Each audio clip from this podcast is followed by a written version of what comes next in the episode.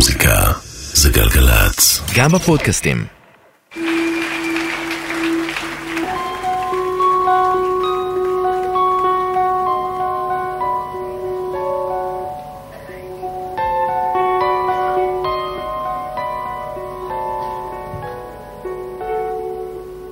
תרקוד, היא אמרה לי, תרקוד, הברושים לא ידעו היי שלמה. היי ירון. היי. אה, והיום תרקוד. אוקיי?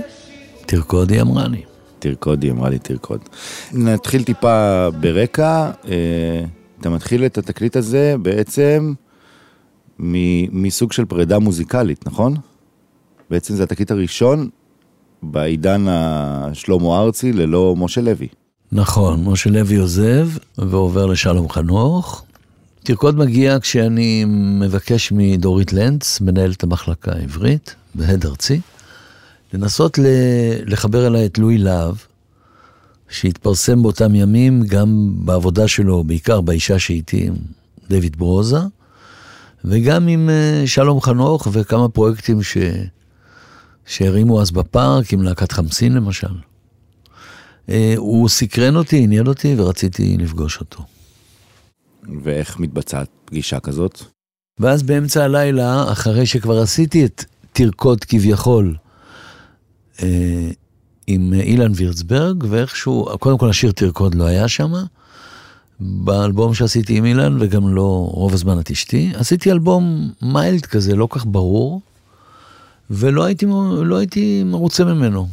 לא חושב שהיה חיבור מספיק חזק ביני לבין אילן, למרות שהוא מוזיקאי מוכשר, סופר וגיטריסט נפלא, ועשה את אה, בציר טוב, רואים רחוק, רואים שקוף, משהו לא עבד. אה, חיבבנו אחד את השני, אבל אתה יודע, כמו בזוגיות, לפעמים היה לא חתונה מפיקס. אז, אה, אז סיימתי את האלבום, וכאילו, לפי השמועות גנזתי אותו. ואני לא הרגשתי שאני יכול להוציא את האלבום הזה, וקצת ניסיתי לבד לעבוד מול להקה, ולא הרגשתי שיש לי כלים. ואז לואי להב הגיע באמצע הלילה, אה, לבוש חליפת אה, חייו, עם מעיל גדול כזה, נדמה לי שהוא עישן סיגר אפילו, והוא הקשיב לחומרים, ואז הוא אמר לי, ואני הייתי נורא anxious לדעת מה, הוא, מה הולכים לעשות, ואז הוא אמר לי, נעשה את זה, אתה מכיר את נילסון שמילסון? אמרתי לו, כן. I can't live, living is without you. שירים גדולים כאלה. אנחנו נעשה משהו כזה. האמת, לא הבנתי. לא הבנתי מה הוא מתכוון בכלל. רגע, מה אתה מתכוון? שאלתי אותו. ואני לא יודע שהוא, אם הוא ידע מה הוא מתכוון. כי בסוף לקחנו את רמי לוין, לקחנו אה, סינתסייזר שנקרא קורג, שמנו, הם בנו תפקידים על פסנתר, ואחרי זה עשו layers כאלה, אחד על השני, מהקורג, שהפך לכינורות וכל מיני כלים אחרים. ומזה נוצר בעצם תרקוד, שבסוף יזהר אשדוד עושה LinnDrum, כלומר תופים, ואוהד דינגר מנגן בס, זהו. זה היה האלבום, אני כבר הקדמתי את הסוף. לא, בסדר, זה רק בשביל להבין את הסיטואציה, כי אתה כבר באמת אה, הנכחת את עצמך בתור איש עם גיטרה שעומד ושר. ועדיין הרגשתי שאני חייב להביא מישהו שיהיה עזר כנגדי. זה בסך הכל תמיד היה. עכשיו היה צריך לכתוב את השירים. האחרים.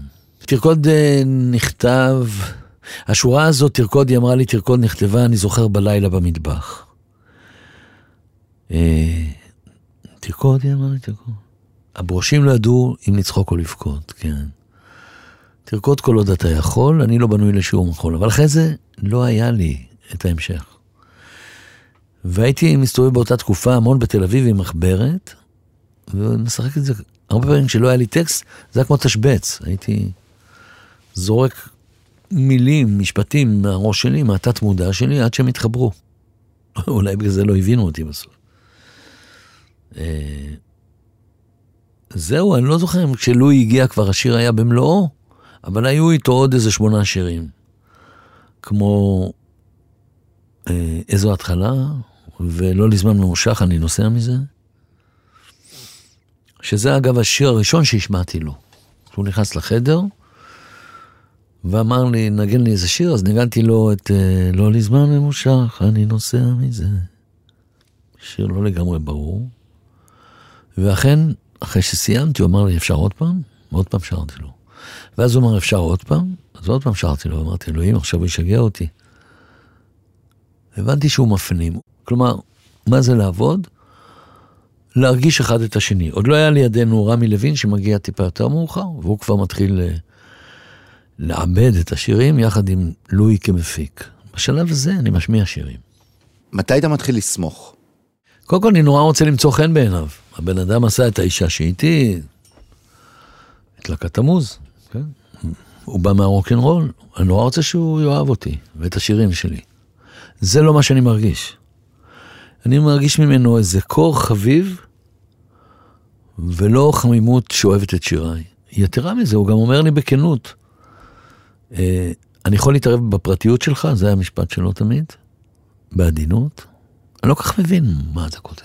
וקצת נלחצתי, אבל לא הסברתי מה אני כותב. לימים, הוא, כשהוא הבין כבר מה אני כותב, יום אחד הוא הגיע ואמר לי, וואו, אני ארוס על זה. זה כתיבה יוצאת דופן, והוא אמר עוד מילים יותר מפליגות מזה. ואז הוא ניתח את, לפעמים היא ההבנה בשירים שלי, כשהוא אמר, אתה כותב תרקוד, היא אמרה לי תרקוד.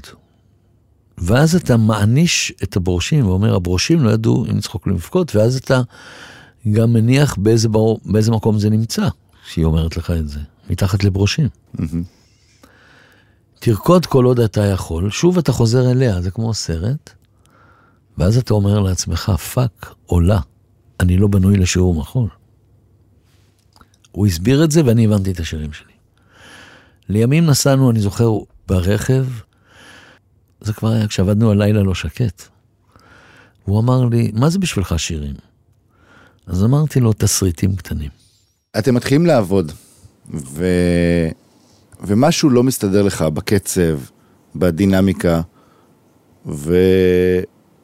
ואתה מחליט לעשות משהו, נכון? אתה, אתה מודיע שאתה רוצה כבר להיפרד מלואי, נכון? תוך כדי שאתם עובדים. כן, אני לא מבין מה הם עושים. כשרמי לוין מגיע, והם יושבים בחדר, הוא מזיז אותי אחורה, הוא לא נותן לי להתערב. אין לי שליטה. ואני לא מבין מה הם עושים. לא מבין.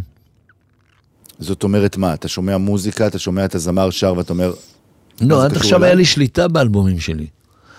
ופתאום לפתע אני מבין שהאיש הזה לא ייתן לי לה- להגיד, להוציא הגה. הוא גם כזה היה שתקן. והתחלתי לפחד ממנו. אני נורא מפחד משתקנים. כי? אתה לא מבין מה הם מסתירים שם, בשתיקות שלהם. וניסיתי לדפוק על הדלת ולשאול, מה, מה הכיוון, מה, מה זה? בשלב מסוים לא קיבלתי תשובה. לא הבנתי כלום. לא הבנתי את הרעיון של הסינתסייזרים, וזה היה חדש לי. אני אגיד לך משהו בהגדרה ברורה היום שאני יודע, נתקלתי בגאון. נתקלתי בגאון, לואי היה גאון, אין, אין מה לעשות, הוא היה אה, מפיק עם אה, כפית של זהב. ואז אני אומר לדורית לנץ, את יודעת מה? בוא נביא שוב את משה לוי. כשנגמור את הסשן הראשון באולפן, דברי עם משה לוי בבוקר כבר, עם משה. תעשי לי בקאפ. אני קצת מקדים את המאוחר, אבל בסוף היום שגמרנו את האולפן, צלצלתי מהר לדורית, אמרתי, אני מקווה שלא דיברתי עם... כי אני רוצה שהוא יישאר לואי, זה היה מלא קסם. והשיר הראשון שעשינו היה צריך להתקדם, מה?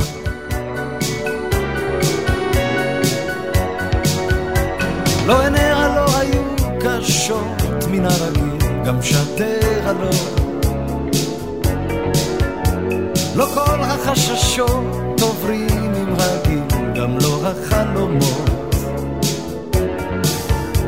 שאלתי אותה אם היא אוהבת סרט, בעיר גדולה מציגים הכל. הרחובות היו מלאים, שאלתי אם גם לי נותר מקום, אם גם לי נותר מקום. צריך להתקדם, צריך היה לשבת, רצוי לא להביט מה מלפניי ומי מאחור, רצוי לא לפחד ממלחמה או מאישה עוזבת, רצוי לנוע כי אנחנו פה בין כה וכה, אנחנו פה בין כה וכה. לא איתה לא התחתנתי, לא התגרשתי, בוודאי לא. איתה חצי מיטה, למרות הכל. גם לו ניתן לנו קצת נצח, לא היה כדאי לו להישאר תקוע באותו מקום. שאלתי אותה אם היא יודעת מה זה בכי, בכתה קצת בנעוריה ועכשיו כבר לא בוער. מסתירים מכתב או שיר קטן ליחידים מותר לבכות כשבא להם. ליחידים מותר לבכות כשבא להם. צריך להתקדם, צריך היה לשבת, רצוי לא להביט מה מלפניי ומי מאחור, רצוי לא לפחד ממלחמה ומאישה עוזבת, רצוי לנוע כי אנחנו פה. אנחנו פה. אוקיי. אני מצטער אם אני מתלהב. לא שמעתי את השירים האלה, אני חושב כמעט 40 שנה. אז איך זה? לפלייבק הזה, ה- האלקטרוני הזה, הוא חזק. כבר חזרו אליו שוב, אגב. דרך אגב, אתה יודע שעשית אחד דומה כזה עם בן בן בקצפת, זה שיר שנקרא כמעט, ממש ממש ממש דומה. כמעט ויתרתי על האהבה שלך. אני מבין למה אתה אומר שזה דומה, זה פשוט בעניין של ה- של התופים האלקטרוניים. זה בעצם הדמיון. ויתרתי על האהבה שלי. ב-30 שניות. אז איזה כיף לי לראות שאתה נהנה לשמוע את השיר. האמת זה מאוד יפה. כן. אז, אז לא נפרדתם. לא, אנחנו נהיים אה, צמד חמד, אה, אוהבים לעבוד ביחד, אה, סובלים לעבוד ביחד. קיצור, זוגיות. ומתחיל להבין שמדובר באיזה גאון הפקד, הפקות, והוא לא סתם הגיע לאן שהגיע, ואני צריך לתת לו את המושכות ביד. ממילא הייתי בצומת דרכים כרגיל, ולא יודע מה אני, מילא לא היה לי מה לעשות עם עצמי, לא היה לי פיצוח, מה שנקרא. ואז uh, מתחילים לעבוד, עובדים, שירים, מקליטים אותם, ושוב אותו דבר, פסנתר, עליו סינתסייזר, עליו סאונד אחר של הסינתסייזר, כאילו שמונה, תשעה, עשרה layers, שכבות של סינתסייזרים ו... וכולי.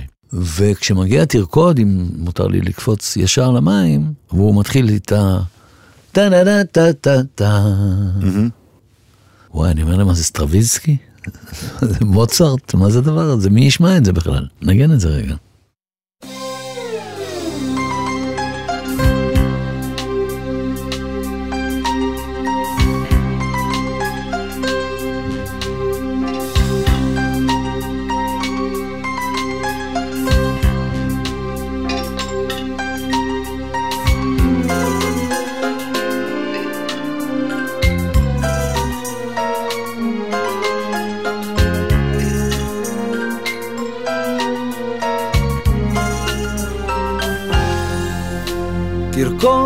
אמרה לי, תרקוד. הברושים לא ידעו אם לצחוק או לבכות. תרקוד כל עוד אתה יכול. אני לא בנוי לשיעור מחול. קיצור, זה היה מרהיב, זה היה כמו מניפה של טווס. נכון. למרות שאת הליין הזה, את ה... נה נה נה נה, זה... אני הבאתי מאיזה עבודה עם דני רובס דווקא, והתעקשתי שהוא יהיה בתוך השיר.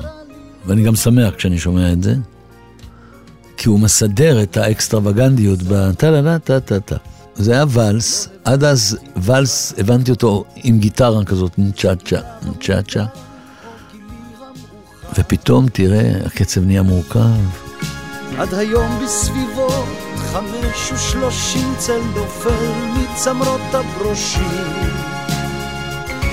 היא אומרת עזוב, מלא שכזו. טנשנים, מלא מתחים. קרה משהו באולפן, כן. כן.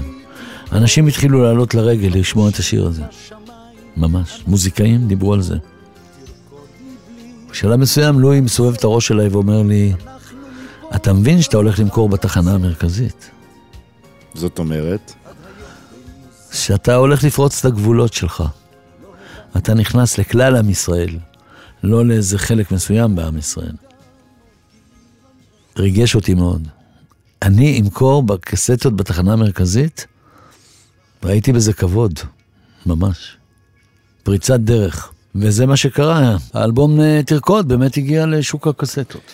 יכול להיות שתרקוד, היא אמרה לי תרקוד, זה עוד שלב של גבר הולך לאיבוד, מבחינת האיש, מבחינת ה...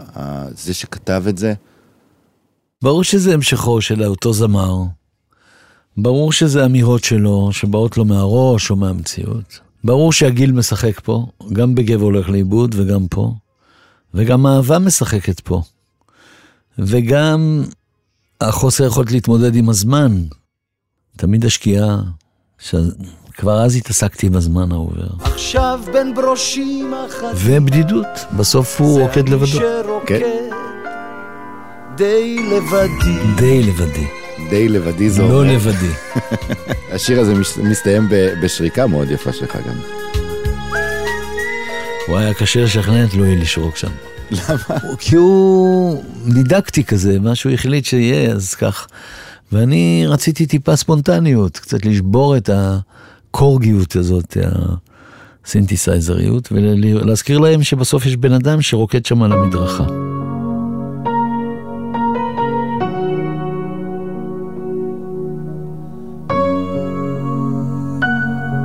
ואם התעסקת בזמן, השיר הבא הוא "וביחד נזדקן". וביחד נזדקן תחת עץ צוחק. יחד נגלף. זה כבר קפיצת דרך, זה מתאים לה, להיום. כן? אתה יודע שבבלנס שעשינו בקיץ, אה, מדי פעם זורקים לך שירים, הנגנים, מאתגרים אותך. ואחד הנגנים התחיל את "וביחד נזדקן", שרת אותו מדהים, ונהייתה אווירה כזאת מאוד מיוחדת של בקיסריה. הזדקנות. ואז בסוף אתה אומר, אתם יודעים מה ההבדל? כשכתבתי את זה, הייתי בן 30. היום שאני שר את זה, אני באמת מבוגר. נכון. בעצם דמיינתי את הזמן הזה. הזמן יהיה שונה, המים הקפואים, הטלפון לא יענה לצלצולים טועים. שיר עצוב, נכון? על זוג שנשאר איפשהו אה, לרקוד, תמיד דמיינתי את זה שהם רוקדים מתחת לעץ כזה, אתה יודע.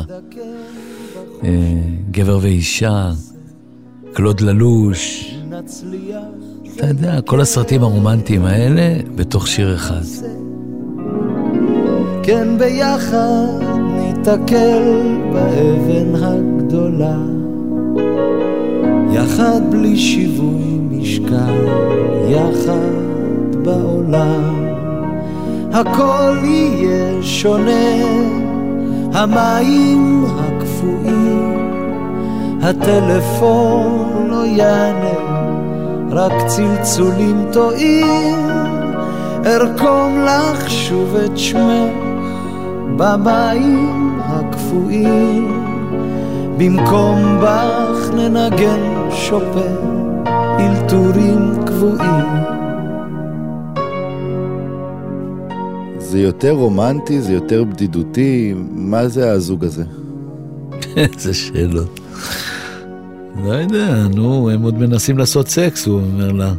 יחד ננסה, ואם זה יצליח זה יקל, ואם לא, מה נעשה? ואם לא, רבאק, מה נעשה? וגם השורה המוזרה, שתמיד היא הטרידה אותי, במקום באך ננגן שופן, שאתה יכול גם לקרוא אותה בתום, במקום באך, במקום את, כן, כן.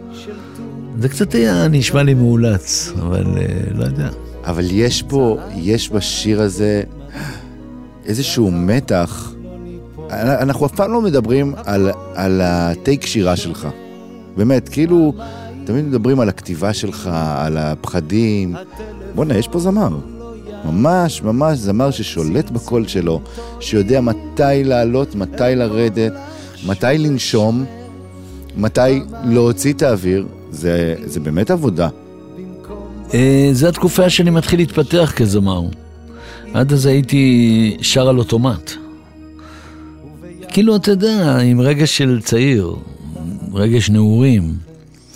כאילו, המון שנים עוד שרתי בהתחלה כמו בצופים, בהפתיע או דברים כאלה, או כמו בלהקה צבאית. אני חושב שפה בתרקוד אני מתחיל לקחת אחריות, מה שלואי גורם לי, חשוף על פלייבקים מאוד חשופים, אין פה התחכמויות, אתה תשמע, מלא pad, פסנתר, אין פה הפרעות, אין גיטרות, אין כלום. אתה נמצא כבר במצב שאתה שולט בביצוע שלך, או שזה אתה עוצם עיניים וזה מה שיוצא? לא, לואי די טרטר אותי בטייקים שירה. אבל זה ממשיך להתפתח אחרי זה ללילה לא שקט וחום יולי אוגוסט. מה שקוראים ההצטרדות. אה, לא, אני, אה, בתקופה ההיא קראו לזה להגיש שיר. אני לא יודע אם היום אומרים את זה. הגיש את השיר. להגיש את השיר, כן.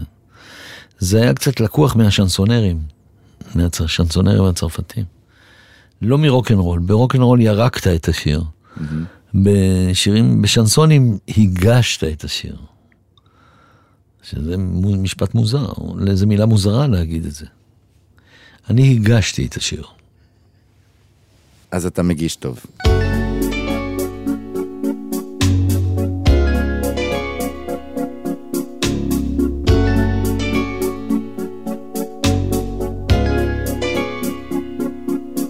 כל הערב דיברנו מילים חדות כסכין, מילים נודדות, מפיך אל תוך פי. רוב הזמן את אשתי. אחת מהפצצות הגדולות ביותר שאי פעם, מה שנקרא, זרקת, אני בכלל לא הבנתי שיש פצצה. ויום לפני שהשיר יוצא, אומרת לי דורית לנץ, אתה יודע שזה שיר שעושה רעש? אני אומר לה, כן, למה? היא אמרה, כי אתה לא אומר כל הזמן את אשתי, אתה אומר רוב הזמן את אשתי. אז לא ראיתי בזה משהו יוצא דופן, אבל, ואגב, השיר יצא והוא נהיה שיר רדיו בחמש דקות, כך חיינו. אבל רוב הזמן אמרו לי אה, אנשים, שמעתי את השיר הזה כל הזמן את אשתי. הם לא זכרו להגיש את זה רוב הזמן את אשתי. או שהם לא יכלו להכיל את זה. להכיל את זה, כן. מה, ת, תן לי טיפה רקע, כי זה באמת שיר שאף פעם לא דיברתי איתך עליו. אה, זה שיר שנולד מרגעי כעס. כל הערב דיברנו מילים חדות כסכין, רבתם, מילים נודדות. הבנתי. רבנו, משהו, לא זוכר, התווכחנו. ואני הגבתי בשיר.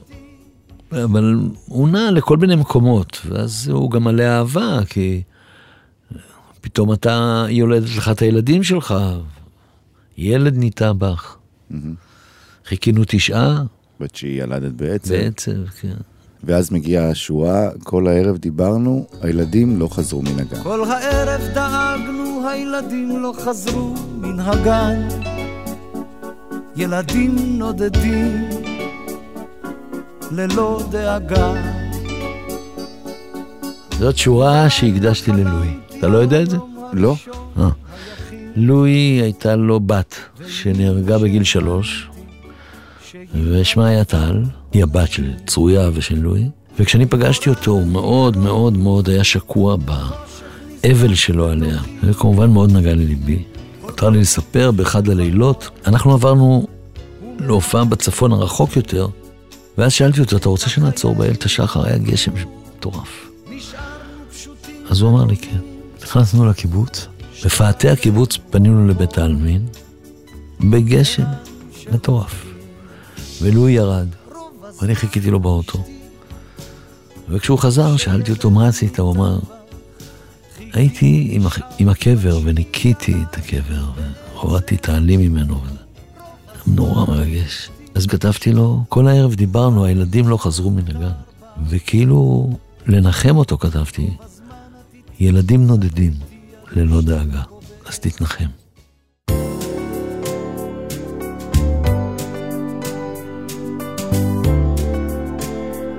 שים לב שהפתיחות תמיד כפולות ומכופלות. ההכנסה אל תוך השיר.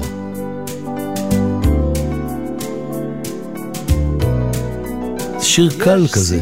הקהל מאוד מאוד מאוד אוהב את השיר הזה. כן, אני יודע, ראיתי את זה בזאפה. אמרת והסתכלת על השעון שקניתי לה ובכל זאת גם אם בכל סוף יש איזו הקלה ידעתי שיש פה איזו התחלה יש אבנים שמתפוררות במשך זמן נעבור אה, לשיר שבסדר, אני הייתי רווק הרבה שנים, ותמיד. כשאתה יוצא בבוקר, מאיפה שלא היית ואיפה שלא ישנת, זה שיר שהתנגן לי.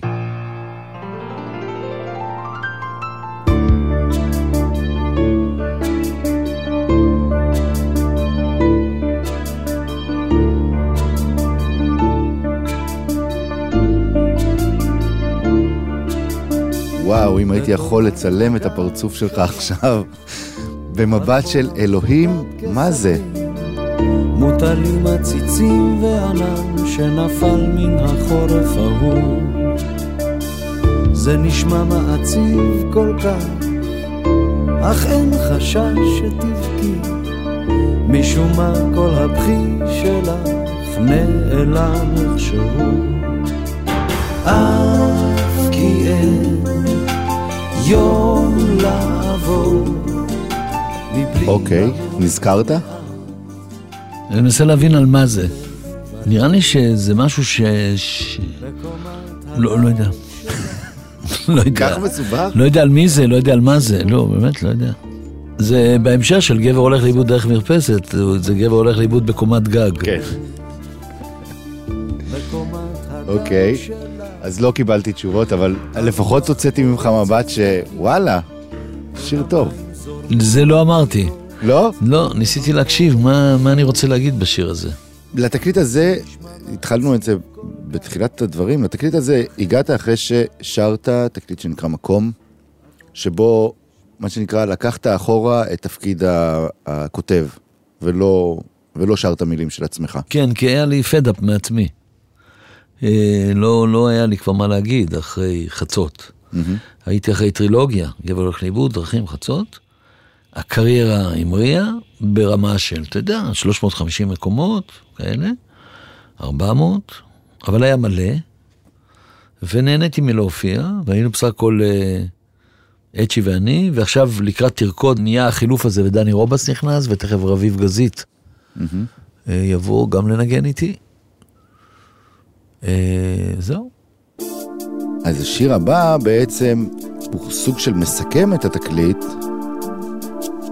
אבל השיר הבא הוא מה רצינו להגיד בעצם. באלבום הזה כנראה אני מדמיין מצבים שעוד לא הייתי בהם. אולי זה היה הרעיון. וכבר עבר די זמן מאז שהיינו פה, שים לב איך משהו פה השתנה. שינו את הבמה, אתה זוכר איך היינו פה, בין שיר לשיר, בין דמעה למנגינה. כבר עבר לי זמן, זה על שניים שחוזרים לבמה, אצ'י ואני, שנים אחרי. ייתכן מאוד שזה נכתב בעקבות העובדה שאצ'י מונה למנכ"ל עד ארצי, ואיזה לילה הוא מודיע לי שהוא עוזב אותי. עכשיו, אני הבאתי אותו לעד ארצי, מ-CBS. אז אני אכלתי אותה. הוא היה, אני הבאתי אותו כפרומוטר, אחרי זה הוא נהיה סמנכ"ל, ועכשיו הוא הולך להתמנות כמנכ"ל והוא עוזב אותי. אומרים לו זה ניגוד אינטרסים, האמת, לא מצאתי שום... מה שהוא יופ... עדיין שהוא יופיע. איתך. כן, שטויות. אבל הוא עוזב, ואז מגיע רובס. ואני חושב שכתבתי לו, שכאילו שנינו חוזרים לבמה איזה יום אחד ומסתכלים האם משהו פה השתנה. האם השתננו? איך הת... אני התגרשתי, אבל לא התגרשתי אז בכלל. כתבתי למישהו מכתב, צירפתי צילום דהוי, שנינו אוחזים נערה. אה, כאילו אני מפליג על גבי הדמיון, ותשב תשב. נחזור להופעה, שנית, נראה מאיפה באנו, מאיפה הכל התחיל. אז זה מין שיר פרספקטיבה. תשב, תשב, ניסע להופעה שנית, נשכח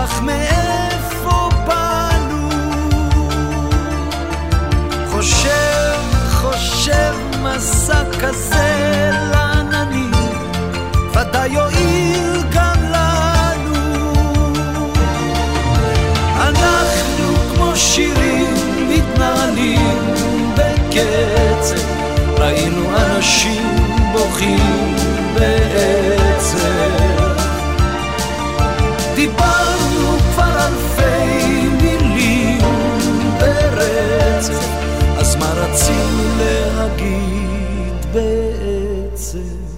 יודע, בן בן ויונתן שלי בתקופת הקורונה, זה מה שהם עשו. הופיעו ככה 250 פעם בבתים. ציוד, מרימים אותו לתוך המכונית, נוסעים, מורידים את הציוד, מתחברים, טיק טק טק טק, עושים הופעה. ממש חזרה על אותו סיפור. אם היינו עכשיו ב- באמריקה שמה, מה שנקרא בהוליווד, אז הדבר הזה היה איכשהו מסתיים בזה שהיה את המופע ששלמה ואצ'י שוב עולים פעם אחת על הבמה באיזה אולם נורא נורא גדול, עם הגיטרה והבאס, ועושים ערב אחד עם כל מיני השירים של פעם. אבל זה באמריקה. לא בטוח. לא? לא. אם אני הייתי כותב תסריט, הייתי כותב את הסיפור של שנינו שם. את ההרפתקה המוזרה הזאת של שני אנשים שמתחברים להופעה. אני חושב שפה הייתי זמר בשיא זמרתי. לא מגובה בלהקה גדולה, מגובה הרבה יותר בעצמי, בגיטרה שלי, בבאס של אצ'י, בגיטרה של דני רובס. הייתי זמר כמו שזמר צריך להיות. ככה צריך להיות זמר. זה הסיפור שעליו צריך כדאי לעשות סרט. כל השאר זה כבר show, show business. פה לא היה show business. פשוט היה, גם לא היה business אגב. היה אהבת המקצוע. ובשאלה מה עושים הלאה, עוד לא הייתה שאלה כזאת, כי זה היה הלאה. אם מישהו פעם אמר, ההליכה היא הדרך. זה משפט מקסיקני, אני חושב. ההליכה היא הדרך. ההופעה הזאת היא הייתה הדרך. כל מה שנולד אחר כך וכבודו במקומו, אף פעם לא הרגשתי בו אה, מדויק כמו ברגעים האלה עם אצ'י ורובס ורביב שהופיע גם בתרקוד. אז אם התחלנו בלרקוד, אז עכשיו הזמן לנוע.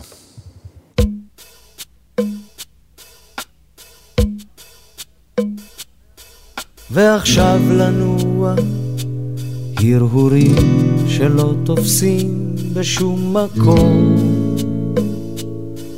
ועכשיו לנוע עד לאן השמיים הרי פה זה רובס.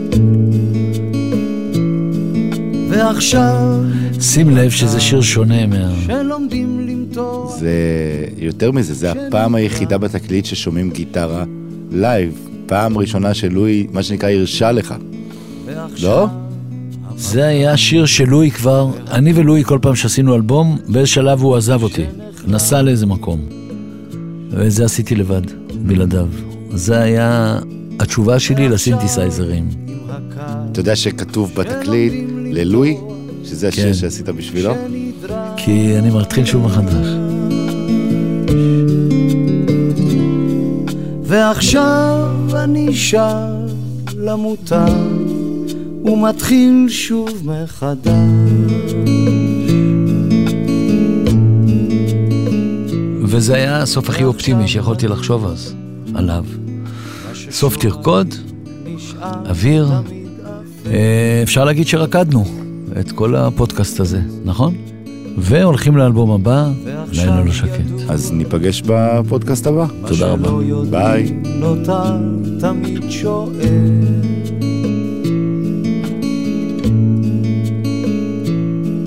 ועכשיו עם הקו שלומדים למתוח כשנדרש